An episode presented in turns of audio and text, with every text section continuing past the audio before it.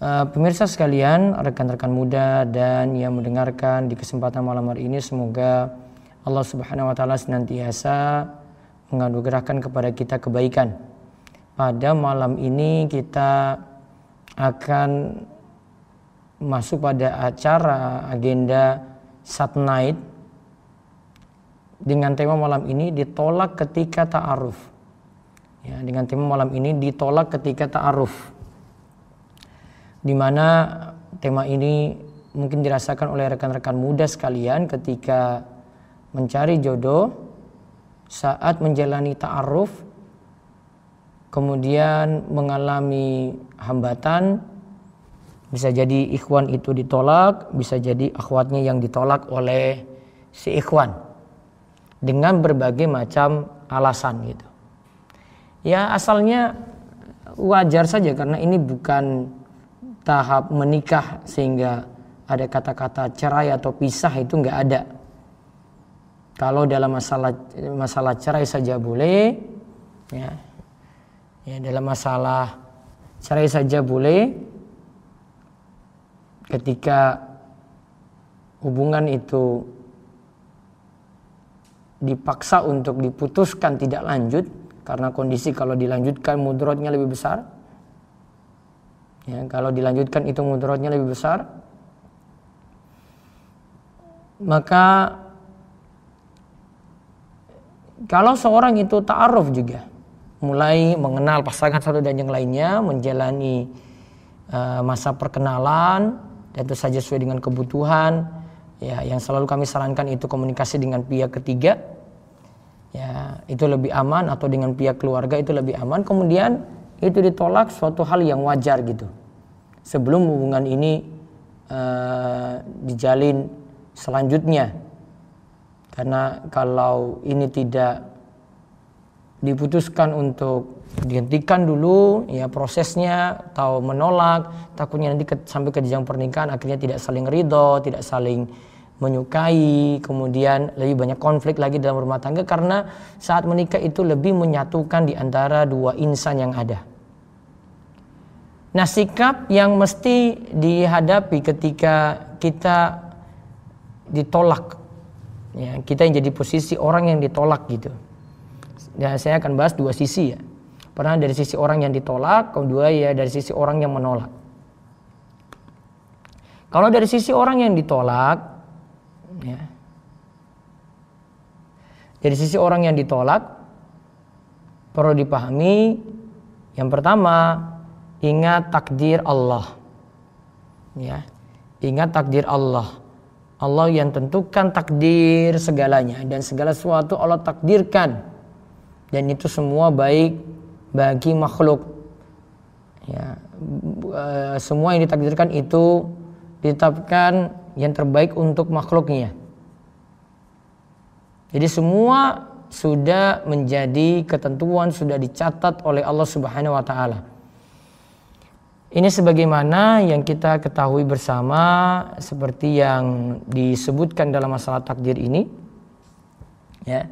Kita tahu takdir itu mesti diimani dalam empat hal. Yang pertama Allah itu maha tahu. Yang kedua Allah itu mencatat. Ya, Allah itu yang mengetahui. Kemudian Allah itu yang mencatat semua itu atas kehendak Allah kemudian semuanya telah diciptakan oleh Allah. Saya ulang ya. Yang pertama ya, yang pertama itu Allah itu telah mengetahui segala sesuatu. Segala sesuatu telah diketahui oleh Allah. Yang kedua segala sesuatu telah dicatat. Yang ketiga segala sesuatu telah Allah kehendaki Kemudian yang keempat ya. Yang keempat segala sesuatu itu sudah diciptakan oleh Allah. Diketahui, dicatat, dikehendaki, diciptakan. Sama dalam masalah jodoh, sama dengan masalah takdir, eh, sama dengan masalah jodoh, sama dengan masalah rizki. Ini semua bagian dari takdir Allah. Yang ini tugas kita imani hal tersebut, ya ya kita ridhoi ketetapan Allah Subhanahu wa taala. Karena Allah yang tahu terbaik untuk kita. Ya, dan keinginan kita pun tidak bisa mengalahkan keinginan atau kehendak Allah. Keinginan kita tidak bisa mengalahkan ya kehendak Allah. Coba perhatikan bahwasanya semua sudah dicatatkan dalam takdir. Bahkan dalam masalah jodoh ini Allah telah takdirkan 50 ribu tahun sebelum penciptaan langit dan bumi. Nabi Shallallahu Alaihi Wasallam bersabda, kataballahu maqadirul khalaik qabla an yakhluqas samawati wal ard bi khamsina alfasana Allah telah mencatat takdir setiap makhluk Allah telah mencatat takdir setiap makhluk sebelum 50 ribu tahun ya, 50 ribu tahun sebelum penciptaan langit dan bumi. Allah telah mencatatkan takdir setiap makhluk 50 ribu tahun sebelum penciptaan langit dan bumi. Hadis riwayat Muslim. Maka semua sudah dicatat dalam takdir seperti yang disebutkan tadi.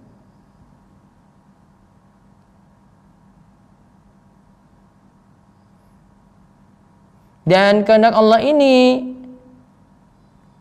ini juga berdasarkan ilmu Allah. Lita'lamu annallahu ala kulli syai'in qadir. Agar kau mengetahui bahwa Allah Maha Kuasa atas segala sesuatu. Wa annallaha qad ahata kulli syai'in ilma. Dan sungguhnya Allah itu ilmunya benar-benar meliputi segala sesuatu.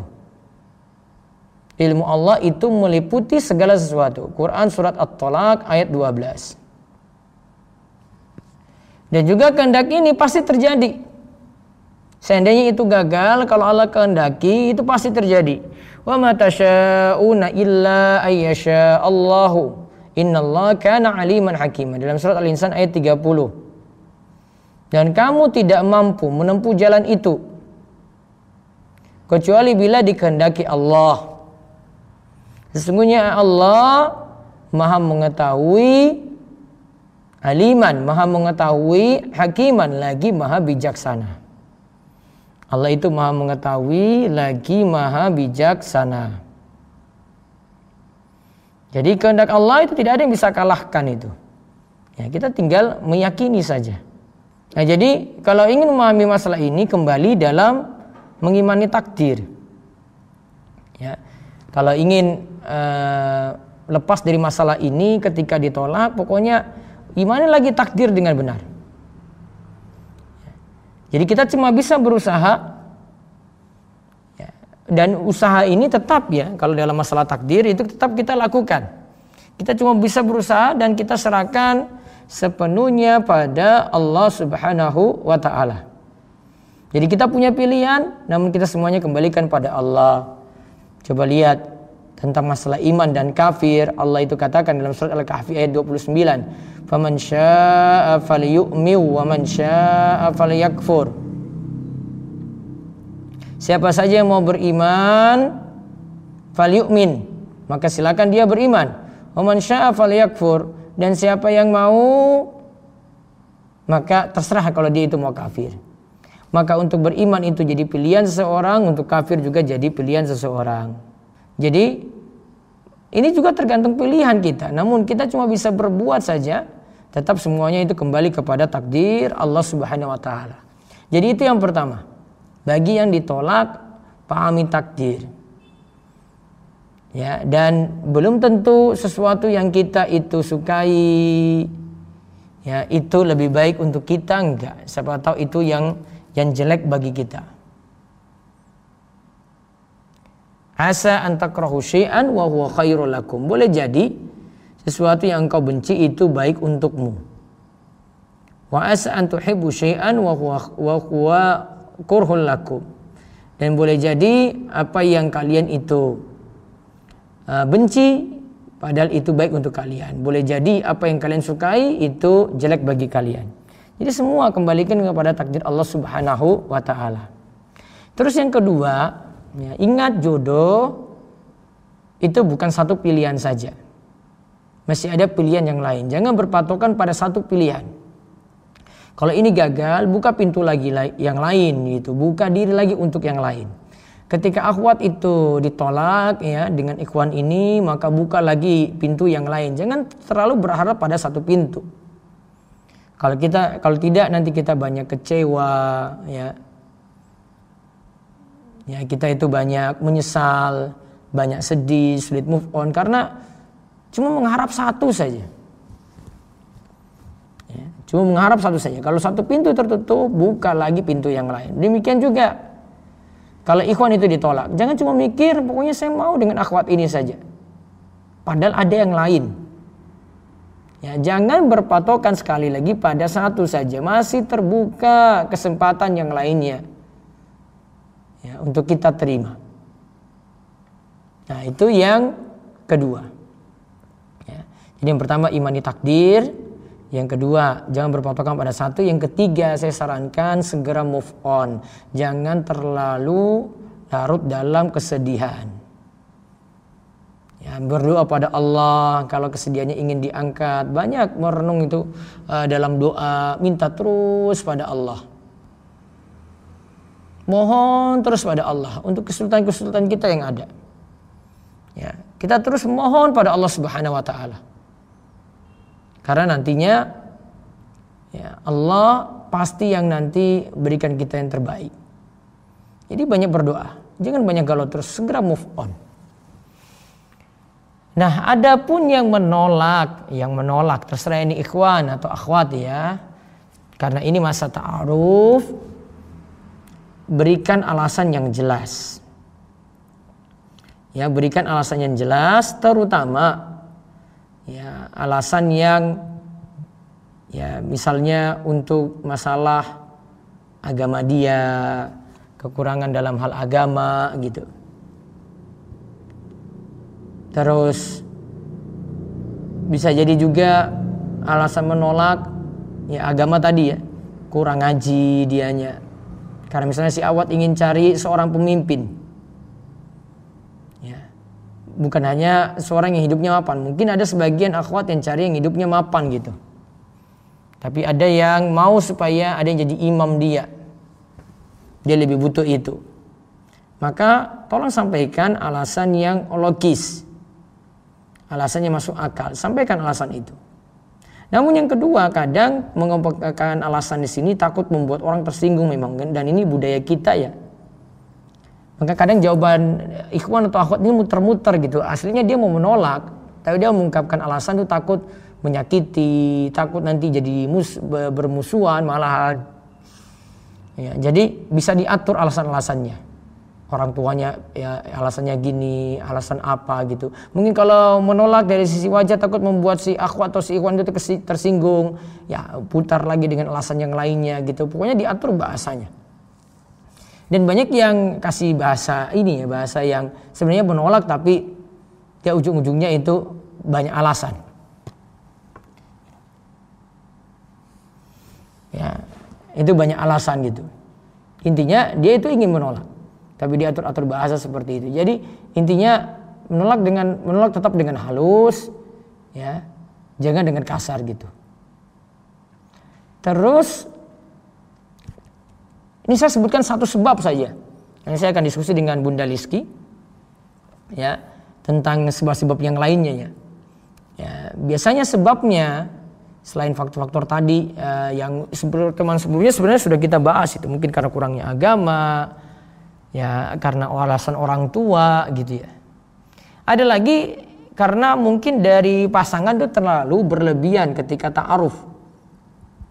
Bisa jadi dari sisi pertanyaan yang seharusnya tidak perlu tanyakan sehingga si ikhwan misalnya nilai ini bertanya terlalu ter, terlalu ini ya, cerewet gitu misalnya.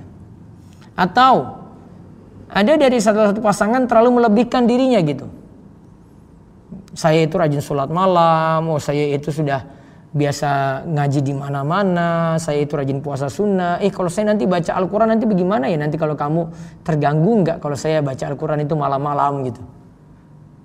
hal ini nggak perlu disebut karena pasangan tahu amalanmu sudah amalanmu sendiri gitu ya dia tahu dari lahiriah saya nggak perlu uh, sampai sampaikan setiap jam sekian terus saya itu bangun malam terus saya itu sholat tahajud terus saya sudah biasa tamkan Al-Quran satu juz tiap harinya gitu dan seterusnya yang jelas uh, tidak semua amalan itu mesti diberitahukan pada orang lain kalau tidak urgent ya nggak perlu sampaikan seperti itu jadi orang yang low profile tawadu. Nah, itu lebih membuat orang itu respon pada kita. Bukankah Nabi SAW itu katakan jika engkau itu tawadu, ya rendah hati, Allah akan meninggikan derajatmu. Ya, akan membuat orang itu makin tinggi gitu. Ya. Yang penting dia bukan maksud merendahkan dirinya supaya orang itu puji, enggak. Ini memang benar-benar seperti itu, dia low profile. Gaul dengan siapa saja, bisa bicara dengan siapa saja, bisa menempatkan diri di mana saja gitu. Nah itu di antara saran-saran dari kami bagi yang ditolak maupun yang menolak ya punya ada sebab-sebabnya di antaranya seperti itu. Nah mungkin sebab-sebab yang lainnya kita tanyakan langsung ke Bunda Liski. Nah, Assalamualaikum Bunda.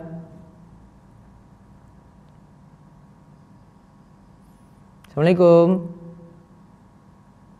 Waalaikumsalam nah. warahmatullahi wabarakatuh, Ustaz. Ya, sinyalnya sulit ya, Bu ya?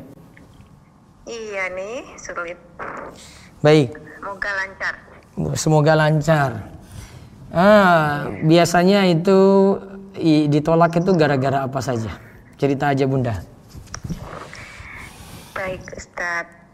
Hmm, ini memang akhir-akhir ini ini agak agak banyak kasus ini Ustaz. Um, ya mungkin karena durasi pencocokan data ini memang uh, sekarang itu lebih cepat dan hmm. lebih banyak yang tertangani jadi hmm, hmm. kasus-kasus juga uh, banyak terungkap gitu yeah. terutama untuk materi malam hari ini tentang apa sebabnya ditolak ini salah satunya karena Ikhwan itu memang tadi Ustadz sebutkan tadi uh, bahwa ada juga Ikhwan ini yang memang uh, agak lebay gitu. Uh, lebay dalam artian uh, melebih-lebihkan uh, dirinya sendiri gitu. Menonjolkan amal-amalnya dia um, cenderung apa ya uh, memandang memandang remeh pasangannya gitu dengan menampakkan betapa banyaknya ibadahnya, amal-amalnya seperti itu. Bahkan sampai uh, ada pertanyaan muncul kalau saya setiap malam baca Quran, kalau yes. saya setiap hari tanpa berhenti uh, putar murotal apakah anti tidak akan terganggu gitu. Kalau itu kan bikin kaget juga emangnya uh, apa itu yang yang memang terganggu dengan bacaan Al-Quran gitu. Jadi uh, hal seperti itu yang tadinya ahwat itu sudah betul-betul uh, cocok dari sisi-sisi yang lain ya hanya karena kepentopas nador itu uh, mengungkapkan hal tersebut akhirnya mundur lah ini ahwat ini tat. Jadi ditolak itu itu ya. salah satunya tat. Itu salah satunya. Ada lagi cerita lain lagi? Uh, ya. alasan lainnya apa? Mungkin karena orang tua atau karena pendidikan atau karena ya. apa? Wajah apa lagi bunda? Iya. Ada juga yang uh, Ikhwan kemarin pendidikannya hmm. itu SMA kemudian dari sisi penghasilan itu uh, kecil juga. Nah, dipasangkan dengan Ahwat yang pendidikan S1, kemudian um, dari penghasilan juga lebih banyak gitu. Lebih banyak siapa? Lebih banyak Ahwat. Ini tetap lanjut dari taaruf online, kemudian maju nador, kemudian memang betul-betul uh, mau menerima apa adanya si Iwan gitu. Tapi pada saat ya dari sisi oh, semuanya diterima lah gitu dari apa pun gitu. Uh, tapi pada saat nador ternyata Iwan ini um, mengatakan hal-hal yang tidak seharusnya uh, termasuk apa dia tanya? Termasuk, um, saya tanya gimana karena awatnya juga sudah mantap. Apakah antum juga sudah ada keputusan untuk ini? Saya tanya. Oh, akan saya pikirkan lagi, Um. Saya akan pertimbangkan lagi karena saya masih uh, belum mantap. Uh, belum mantepnya di mana? Ya saya butuh istiqoroh. Saya baru sekian persen seperti itu. Apa yang meragukan antum dari ini semua gitu? Uh, ya saya harus pertimbangkan dulu kan sama ibu saya sama keluarga saya. Jawaban seperti itu padahal Ikhwannya itu mau tat. Ikhwannya itu uh, sudah Ahwatnya. juga. Hanya jawaban seperti itu seolah-olah merendahkan si Ahwat gitu. Oh uh, berarti Ikhwannya yang mau istiqoroh lagi dulu ya? Iya. Hmm. iya akhirnya uh, ya dia sempat bilang sih saya baru 80% soalnya um belum 100 80% itu kan sudah. Kok dia bilang baru 80% ya akhirnya uh, oh ya itu ini bunda. awatnya menyatakan mundur. Awatnya yang mundur? Ikhwannya atau ahwatnya ya, awatnya? yang mundur karena keraguan dan uh, jawaban si Iwan ini memang meragukan gitu. Saya baru 80% soalnya. Saya harus banyak diskusi dulu. Saya butuh uh, masukan-masukan. Loh, keputusan itu kan di tangan Iwan yang mau nikah. Rata-rata Iwan itu untuk keputusan itu uh, di tangan dia sendiri gitu. Nggak seperti Ahwat banyak pertimbangan dengan orang tua. Kalau Ikhwan itu biasanya sudah diserahin lah sama orang tuanya.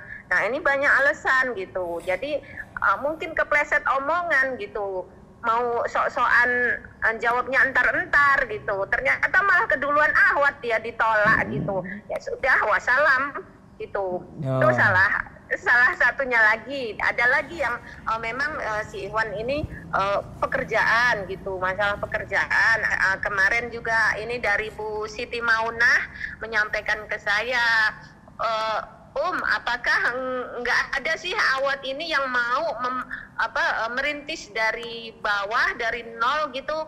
Kok semua awat kok kepengennya yang sudah punya pekerjaan mapan, sudah punya penghasilan? Hmm, terus, terus. Oh, awat ini semua rata-rata menginginkan Ikhwan yang seperti itu gitu.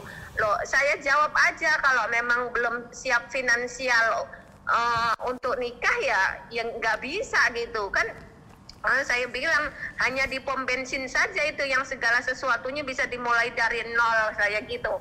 Kan kecuali dia nikahin uh, mungkin kenalannya sendiri, tetangganya. Nah ini kan diproses melalui uh, biro jodoh gitu. Masa nggak punya pekerjaan terus uh, berharap ahwat-ahwat ini semuanya maklum gitu. Nggak bisa seperti itu juga gitu tak.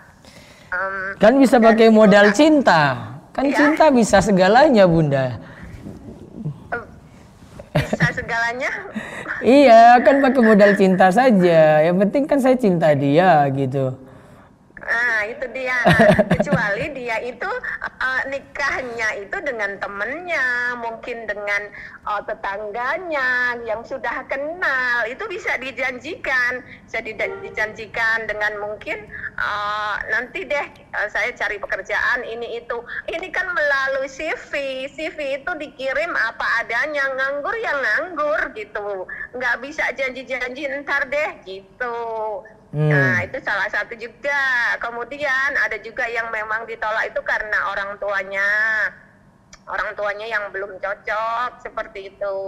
Kemudian dari uh, dari fishnya si Ikhwan ini banyak tat yang Ikhwan ini nggak tahu diri gitu. Dari sisi fishnya aja nggak yang nggak masuk gitu tapi kepingin awat yang yang betul-betul dia impikan, dia bayangkan gitu.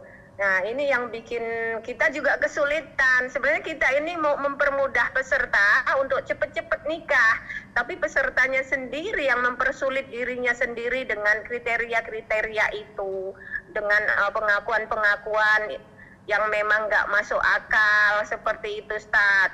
Hmm. Salah satunya juga yang mengandalkan agama itu ada loh Tat yang cuma mengandalkan agama. Apa itu? Bukan cuma artinya hmm. uh, kamu itu akan uh, bahagia dengan uh, yang penting agamanya gitu. Nah saat ini juga kan uh, kita juga memproses yang seperti ini sulit gitu. artinya ahwat-ahwat ini juga nggak mungkin lah oh di istilahnya ditawarkan kupinang uh, kau dengan bismillah aja gitu kan? Nggak mungkin gitu. Kalau ada ikhwan yang pengakuannya uh, ibaratnya kupinang kau dengan bismillah ya insya Allah pasti dijawab kutolak kau dengan kaparatul majelis gitu. jadi jadi uh, memang harus siap segalanya tat uh, untuk menikah ini gitu. Seperti itu tat yang bisa saya sampaikan. Hmm berarti faktornya macam-macam ya. Iya. Tapi kalau kalimat-kalimat iya. dia nolak kayaknya muter-muter kalau di biro jodoh ya. Kalau dia banyak-banyak iya banyak-banyak alasan gitu ya. banyak-banyak alasan kan? Dibuat-buat iya. itu. Nanti saya mikir-mikir dulu itu kayaknya sudah tanda nolak gitu. Terus nah, betul, nanti betul, saya tanyakan orang tua saya dulu.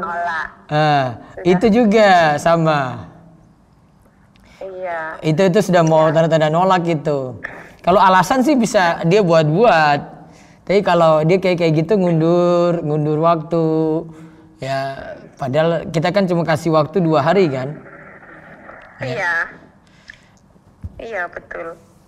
Seperti itu. Jadi dah. Uh... Nah sikap biro jodoh sendiri kalau ada yang uh, kan nazor, eh ta'aruf terus nazor, terus kan baru uh, mau putuskan kan. Nah kalau sikap biro jodoh sendiri kecewanya di mana? Ketika uh, akhirnya dia gagal kan biasanya kecewa juga kan. Ini gimana sih kok nggak jadi gitu? Uh, uh, biasanya kecewanya kenapa? Kalau uh, kecewanya itu ya karena memang uh, sudah merasa sangat cocok gitu, sudah berharap sekali bahwa pilihannya tersebut memang akan uh, jadi jodohnya gitu, sudah berharap uh, dialah uh, calon pendampingnya gitu. Sudah berakhir nih akan berakhir masa lajangnya ya harapannya udah seperti itu Ustaz. Ya gimana nggak kecewa gitu bikin galau gitu karena Biro jodoh yang galau juga? iya. Biro jodoh juga ikut galau iya dong Tat Gak jadi mantu. Udah harapannya udah mau mantu Gitu. Uh, Sampai kan ada yang sempat nanya-nanya juga kan Sudah sampai tanya orang tuanya gitu ya. Tanya iya. nanti nikahannya itu bagaimana? Eh ternyata gak jadi ternyata mundur. Ya, ternyata gitu. mundur. Ya, itu juga itu, bikin e bikin emosi juga ya. Akhirnya pingin kejar-kejar dia itu. Kamu kasih tahu alasan dong, kasih tahu alasan. iya kan? Iya. Hmm. Betul. Jadi banyak alasan gitu. Baik. Hmm. Ada yang beberapa hari ini yang ditolak gimana caranya? Mereka ada berhasil semua atau ada yang ditolak? Ada yang ditolak kan sudah pasti ada yang ditolak ini sekarang sekarang ini. Um, itu tadi banyak alasan tadi si Iwan ini. Uh, minggu ini nih ada tiga ada tiga yang ditolak gitu Ustaz. Berapa Jadi, berapa yang dipasangkan terus berapa yang ditolak? Iya, ada tiga yang ditolak ini, Tat. Uh, Ikhwannya ini ditolak Ahwat ini dua ini. Hmm. Dua Ikhwan ini ditolak Ahwat gitu. Malah Ahwatnya yang nolak gitu. I, I, tapi kesalahan ada di Ikhwan sih. Salahnya Ikhwan. Kesalahannya apa? Ikhwannya juga sudah mau gitu. Ahwatnya awalnya juga mau gitu. Dan yang saya ceritakan tadi itu kasus kemarin memang yang barusan terjadi. Eh, hmm. Uh, Nazar minggu ini, Tat, gitu. Ya, iya. Baik. Sekarang coba kita terima dulu dari Zoom. Kita ada waktu 30 menit lah. Dari Zoom ada? Coba Zoom dulu sebentar Bunda, nanti ada yang nanya nih. Ya. Assalamualaikum.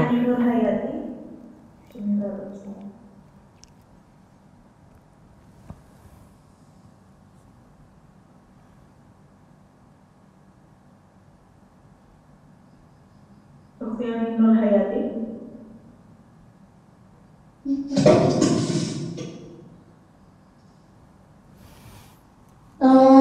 warahmatullahi wabarakatuh, Ustaz. Waalaikumsalam warahmatullahi wabarakatuh. Iya, Ustaz. Iya, silakan. Oh ya, mohon maaf Ustaz sinyalnya eh, ketika ada seorang ikhwan yang mengajukan ta'aruf, namun ikhwan tersebut berasal dari ormas Muhammadiyah. Jadi keluarganya itu kental gitu loh Ustaz dari ormas dan dari orang tua juga pengennya anaknya tersebut tuh punya istri dari Muhammadiyah juga gitu Ustaz. Tapi ikhwan tersebut juga sedang belajar salah, jadi baru belajar salah. Apakah saya langsung menolak atau perlu dipertimbangkan untuk diterima Ustaz? Udah.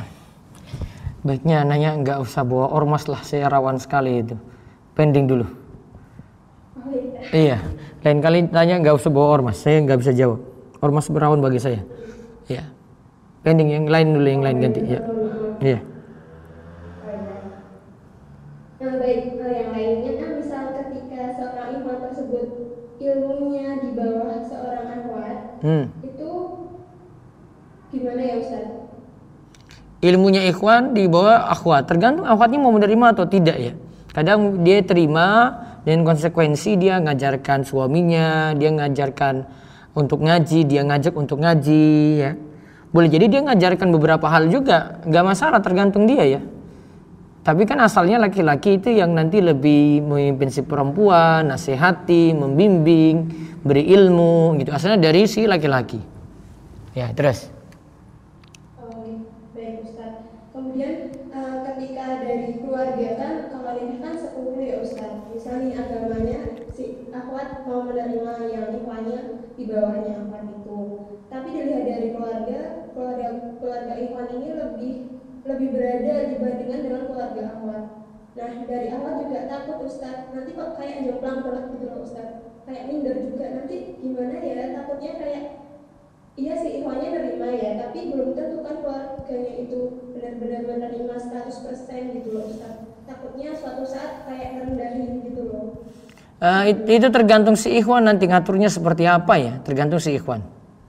Oh. Iya. Oke, Terima kasih Ustaz. Jadi silakan yang berikutnya yang kedua, monggo. Saya bacakan dari pertanyaan Caca ya Ustaz. Iya silakan.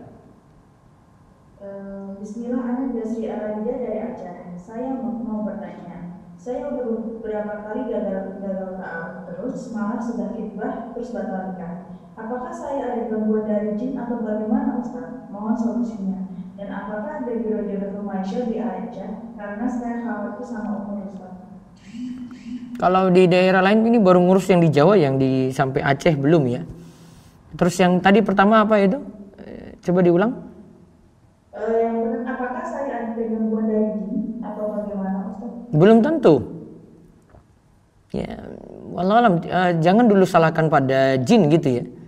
Bawa dulu ke sebab kita gitu. Kita kurang ini, kurang itu, kurang usaha, kurang kerja keras, mungkin ditolak ya karena mungkin kita kurang strategi dan seterusnya atau kualitas kita kurang gitu. Saya harus jadi lebih baik lagi, high quality. Ya, jadi semuanya kembalikan pada diri kita dulu, jangan eh, pakai alasan yang lainnya dulu ya. Ya, alasannya kita ditolak, kita di eh, tidak diterima gitu ya. Dan itu berulang kali misalnya eh, alasan ke diri kita dulu, jangan ke orang lain, jangan kesalahkan ke jin gitu, jangan dulu. Itu itu masalah lain, faktor lain gitu. Namun ke diri kita dulu. Ya terus. Baik, eh, Assalamualaikum Ustadz Abdul. Eh, penyebab sering gagalnya ta'aruf karena dua tahun terakhir saya menjalani ta'aruf gagal terus dan saya juga jodoh rumah saya juga gagal. Penyebab gagalnya setelah nazar, akhwat langsung mundur dan barusan bulan kemarin eh, akhwat PHP dan mengulur waktu ke- keputusan lanjut khidbah atau tidak. Usaha saya nggak ikut. Maaf Ustadz ini nggak ada pertanyaan. itu curhat itu bu, curhat apa gagal gagal gagal terus coba. Sebentar saya tanya ke Bunda Liski dulu. Bunda? Halo? Ya Ustadz. Ini Ya, ini siap. ada Ikhwan itu bulan lalu katanya dia gagal-gagal terus di Biro Jodoh Rumaiso itu. Mungkin Bunda yang tahu. Dia katanya gagal-gagal terus. Cuma cerita aja ini, cuma cerita. Dia gagalnya itu karena apa? Mungkin Bunda tahu sendiri kasusnya gitu. Saya nggak tahu ini. Ikhwan ini gagal-gagal terus karena memang eh, dari ahwatnya itu kriterianya ini nggak masuk di Ikhwan gitu. Ustaz. Atau mungkin ah, ikhwannya lebih rendah dari ahwat-ahwat yang lain gitu. Ya, bisa jadi nanti eh, dikasih ke ahwat-ahwat yang lain, tetapi kan eh, prosesnya di BJR ini kita memproses peserta itu berdasarkan nomor urut, Ustaz. Jadi ada antrian eh, untuk bergiliran nih siapa-siapa yang eh, harus diproses dulu gitu, Ustaz. Jadi nggak ngaca gitu. Otomatis eh, pendaftar yang baru masuk pun eh, itu dapat eh, di nomor yang eh, terakhir gitu dan nanti awat yang memang sudah diproses dia nggak dapet belum dapet itu nanti eh, ambil antrian lagi di paling bawah lagi gitu. Jadi rolling seperti itu saat kecuali kecuali nanti ada memang eh, jalur pribadi gitu. Saya lihat oh ini cocok sama datanya ini. Baru langsung diproses dengan jalur pribadi. Kemudian eh, jalur pribadi ini berlaku juga berlaku ketika Ustadz kasih ACC seperti itu. Eh, Iya. Baru kita eh, pokoknya ada lah yang memang eh, kami proses itu enggak enggak berpatokan dengan eh, nomor antrian tersebut gitu. Tetap kami eh, proses dengan cara-cara yang lain gitu, Ustadz. Taib, taib. Ya, berarti ada ya kasus ini ya. Ya betul, memang kriteria belum cocok kan.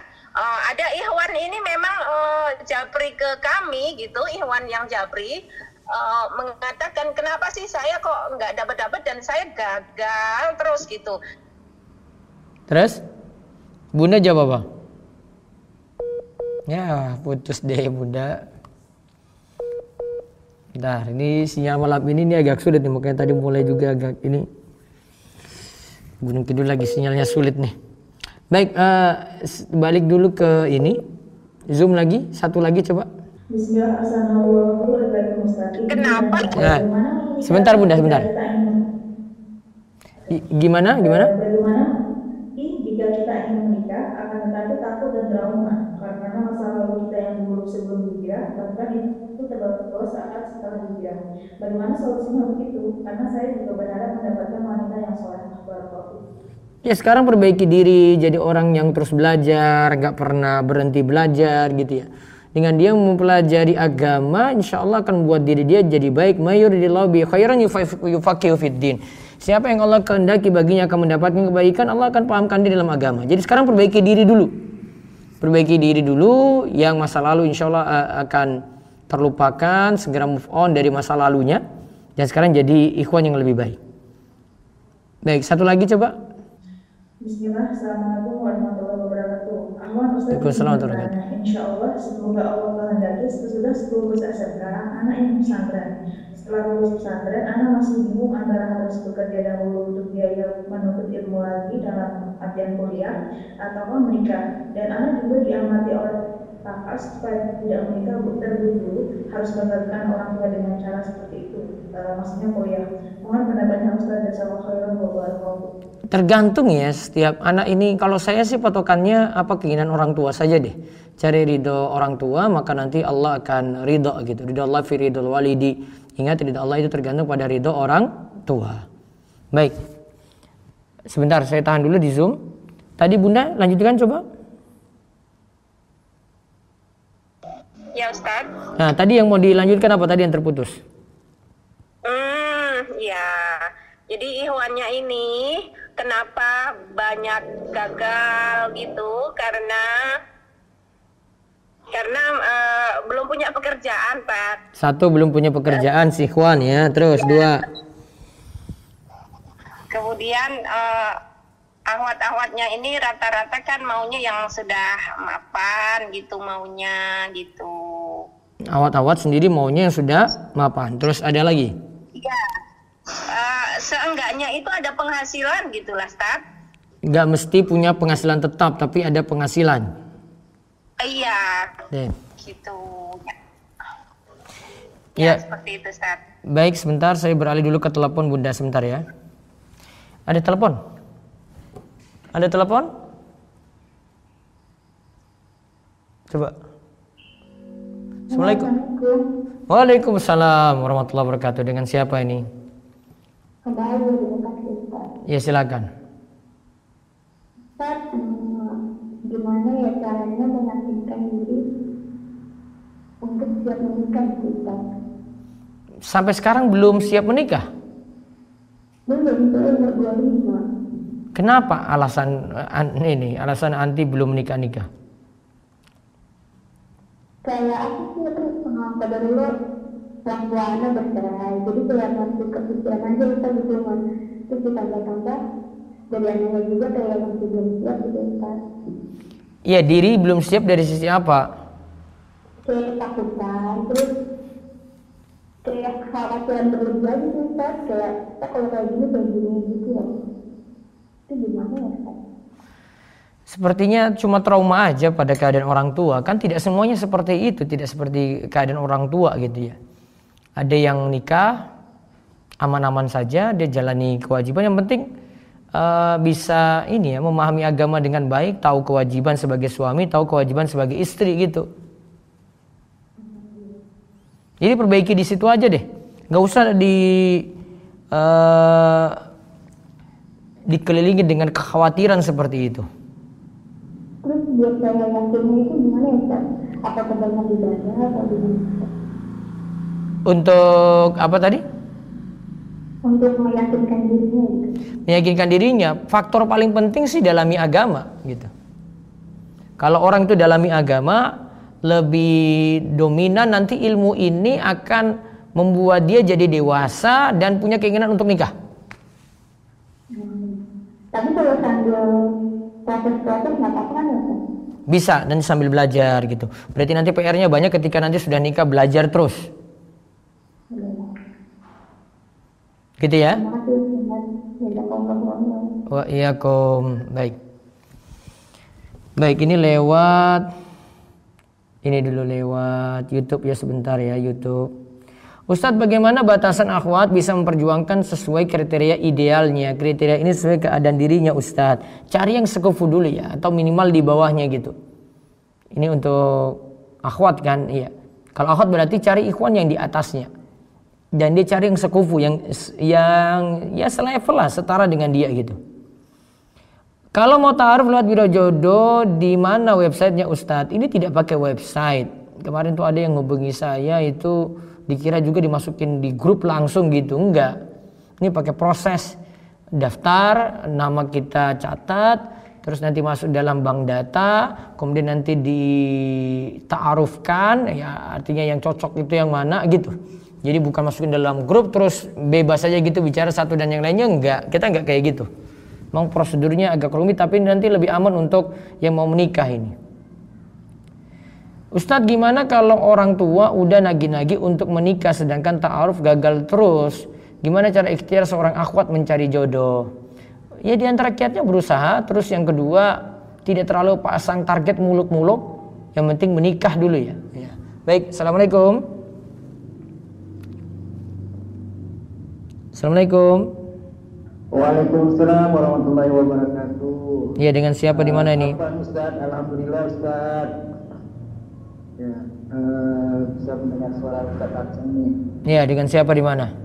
Eh, Ana Andi, Andi Syarif di Riau Ustaz. Iya. Eh, begini Ustaz, eh, Barakallahu fiik, eh, Ana mau bertanya Ustaz, eh, Alhamdulillah kemarin mulai dari proses ta'aruf, eh, nazor, dan sekarang insya Allah di tanggal 9 September nanti insya Allah akan mengadakan akad nikahnya Ustaz. Hmm, terus apa yang antum tanyakan? Iya semoga Allah mudahkan nanti. Eh, pertanyaan saya kan itu eh, uang walimah Ustaz ini mau bisakah eh, diminta kembali maksudnya karena kesepakatan eh, perjanjian akan mengadakan walimah Ustaz. Iya terus? karena ada corona dan peraturan mungkin yang akan dikeluarkan oleh pemerintah eh, PSBB ataupun lockdown dan eh, pesta tersebut walimah tidak ditiada- akan ditiadakan. Begitu Ustaz. Bisa kan diminta kembali gitu Ustaz? Yang diminta kembali apa itu? Eh, uang walimahnya Ustaz seluruhnya uang walimah diminta lagi? Ya Ustaz. Seluruh uang walimah diminta lagi? Eh, dari kesepakatan kan kesepakatan akan diadakan walimah karena adanya peraturan yang keluar itu nggak jadi Ustaz gitu. Bisa atau boleh atau enggak Ustaz gitu? Boleh-boleh saja tinggal lobby kepada pihak keluarga si akhwat. Oh gitu Ustaz. Hmm. Oh ya Ustaz. Itu aja Ustaz. Afwan Ustaz. Iya, Allah ibarik fiik. Mohon doanya Ustaz. Iya. Ya. Semoga Allah mudahkan ya nikahnya ya. Iya, semoga Allah mudahkan semuanya insyaallah. Amin. Barakallahu fiik. Assalamualaikum. Iya, Waalaikumsalam warahmatullahi wabarakatuh. Baik, saya balik ke Zoom silakan yang di Zoom.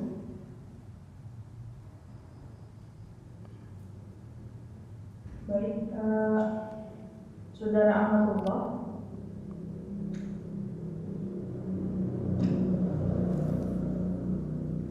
Assalamualaikum Ustaz. Waalaikumsalam warahmatullahi wabarakatuh. Silakan. Eh, jadi eh, saya ini kan sudah dicerai Ustaz. Eh, dan eh, apa mantan suami saya masih menghubungi saya gitu Ustaz. Masih eh, ngechat gitu Ustaz. Hmm. Sikap anak harus begini Ustaz. Sudah keluar kata cerai atau sudah resmi dari pengadilan agama?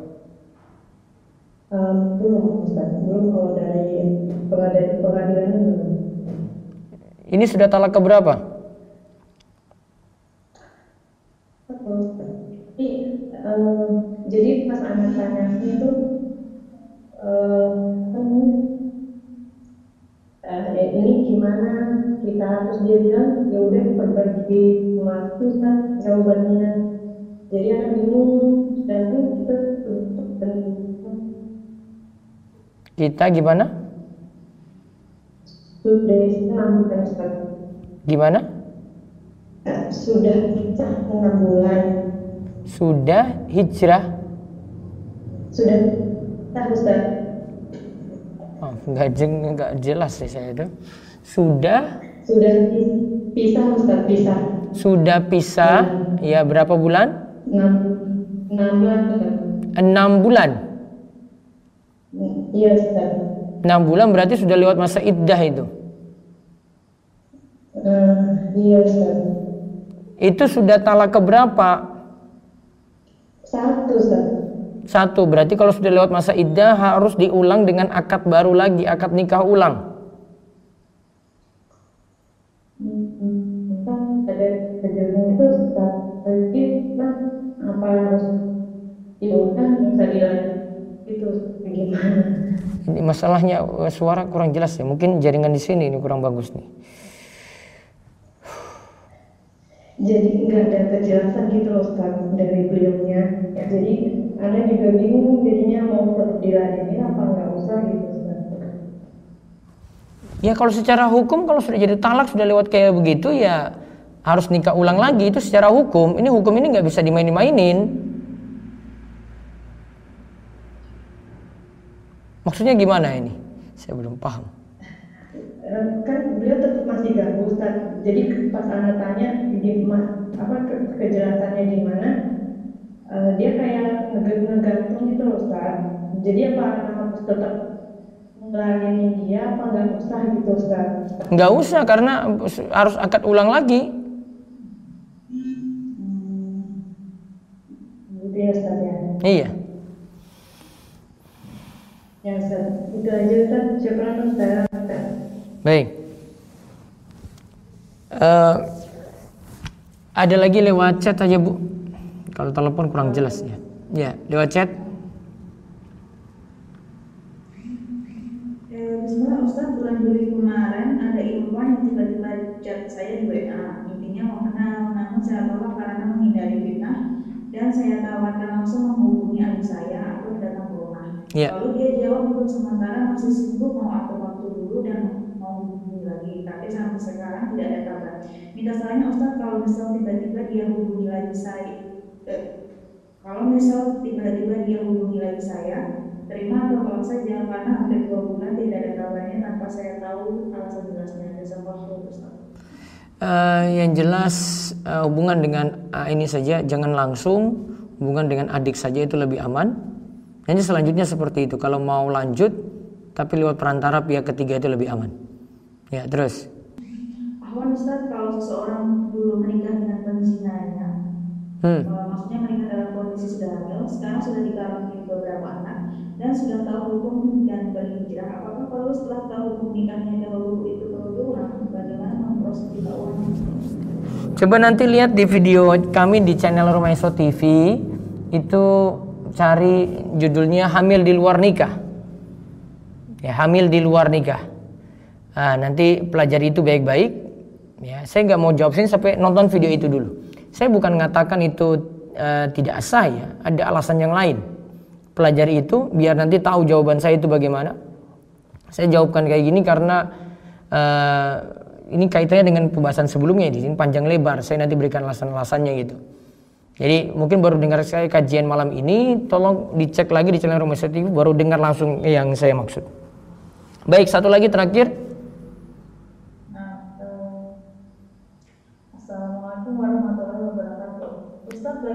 Waalaikumsalam. perasaan yang datangnya dari Allah dan dari bisikan syaitan.